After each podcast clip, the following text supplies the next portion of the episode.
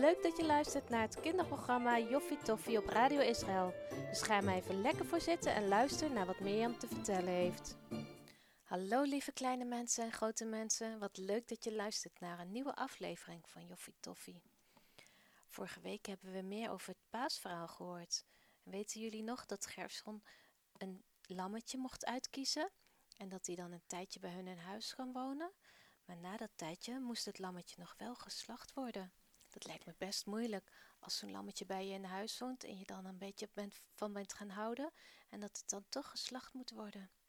Weet je, zo is het ook een beetje met Jezus gegaan. Jezus was bij de mensen en de mensen gingen van hem houden.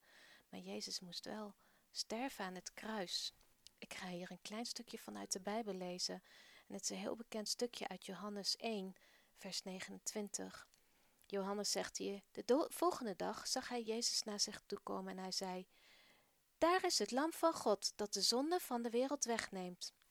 Zie je, dus Johannes wist al dat Jezus net als het paaslam zou zijn. Weet je, we gaan gewoon weer lekker verder lezen. Luister je mee? Binnen zijn mama en Tirza bezig met het kneden van het deeg. Als Gerson binnenkomt, hoort hij Tirza vragen: Waarom doen we er geen zuurdeeg bij? Dat heeft de Heer ook gezegd, Tirza. We maken het deeg klaar, maar we hebben geen tijd meer om het te laten rijzen. We bakken er deze keer platte koeken van, zegt mama. In de komende weken zullen we alleen nog maar platbroden eten, zonder zuurdeeg erin. Daar komen papa en Caleb binnen, met het vlees van het lam. Het vlees wordt boven het vuur geroosterd. Buiten is het al bijna donker. We blijven nu binnen, zegt papa, totdat we horen dat het tijd is om te vertrekken. Mozes heeft gezegd dat we deze avond snel moeten eten. We moeten klaarstaan om weg te gaan. We houden onze schoenen aan en ik houd mijn staf in mijn hand. Gerson voelt steeds kriebels in zijn buik. Nu gaat het echt gebeuren. Ineens wordt er hard op de deur geklopt. Buiten horen ze iemand roepen. Het is tijd! De farao laat ons gaan! Dan horen ze voetstappen van iemand die wegrent. En in de verte horen ze de man op de deur van de buren kloppen. Daar roept hij hetzelfde. Papa kijkt mama en de kinderen aan. Nu is het tijd. Pak snel je spullen die klaar liggen. Caleb en ik gaan naar de stal om de dieren te halen. Gerson ziet hoe mama een doek met een klomp deeg pakt en haar houten baktrog om haar schouders hangt.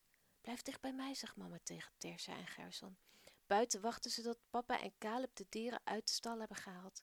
Ze lopen naar de andere mensen toe en Gerson ziet hoe ze allemaal een plekje krijgen in de lange rij. Het lijkt wel een leger met soldaten. Het is geen rommeltje. Sommige mensen krijgen een plek voorin en andere mensen moeten juist achteraan lopen. Weer anderen krijgen een plekje aan de zijkant. De farao wil dat we zo snel mogelijk weggaan. Hij laat ons eindelijk gaan, hoort Gerson iemand zeggen. De grote stoet mensen en dieren komt op gang. Eindelijk gaan ze op reis. Kijk daar eens, roept Gerson uit. Hij wijst naar een wolk. Helemaal vooraan, in de lucht. Daar zweeft een wolk van vuur. De wolk gaat in de richting van de zee. Nu hoeven we alleen maar achter de wolk aan te lopen, zegt papa. De Heere zelf wijst ons de weg. Gerson kijkt niet achterom. Hij kan alleen maar kijken naar die prachtige wolk van vuur. Hij voelt warmte, hij ziet licht. De donkere nacht is helemaal niet donker meer. Gerson, Gerson! Gerson schrikt wakker. Hij knippert een paar keer met zijn ogen en kijkt rond in zijn kamertje. waar is hij? Wie roept hem? Dan begrijpt hij dat hij in zijn eigen bed ligt en heeft gedroomd. Mama heeft hem geroepen dat hij wakker moet worden. Hij wrijft zijn ogen uit en gaat overeind zitten. Ja, mam, ik kom, roept hij terug. Zo'n bijzondere droom heeft hij nog nooit gehad. Zou het komen door wat papa gisteren met de zedenavond heeft verteld? Zijn kleren liggen al klaar en Gerson kleedt zich snel aan.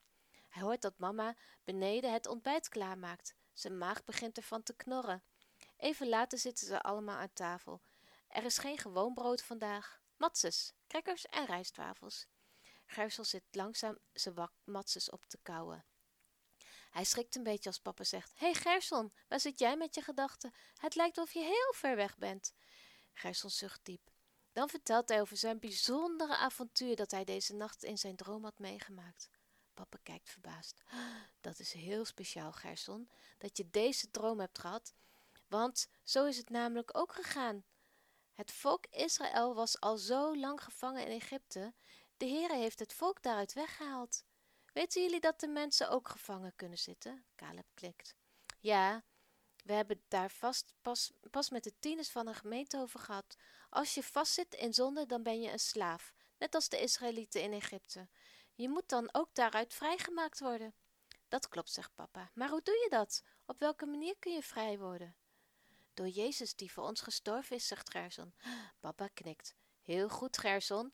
Precies zoals jou in jouw droom. Het lam moest sterven in plaats van de eerstgeborene. En Jezus droeg deze straf voor ons, toen hij stierf aan het kruis. In de Bijbel staat hij, dat hij het lam van God is dat de zonde van de wereld wegneemt. Het lijkt wel alsof Gerson voor het eerst echt begrijpt wat dat betekent.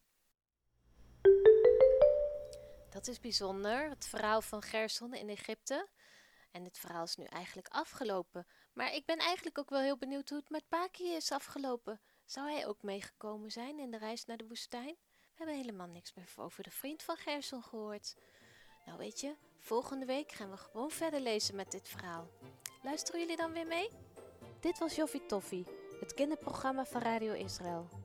Wil je nog graag iets kwijt? Stuur ons dan gerust een berichtje op joffietoffie.radioisrael.nl De presentatie was in handen van Mirjam en we vonden het joffie tof dat je luisterde en hopen dat je er volgende keer weer bij bent.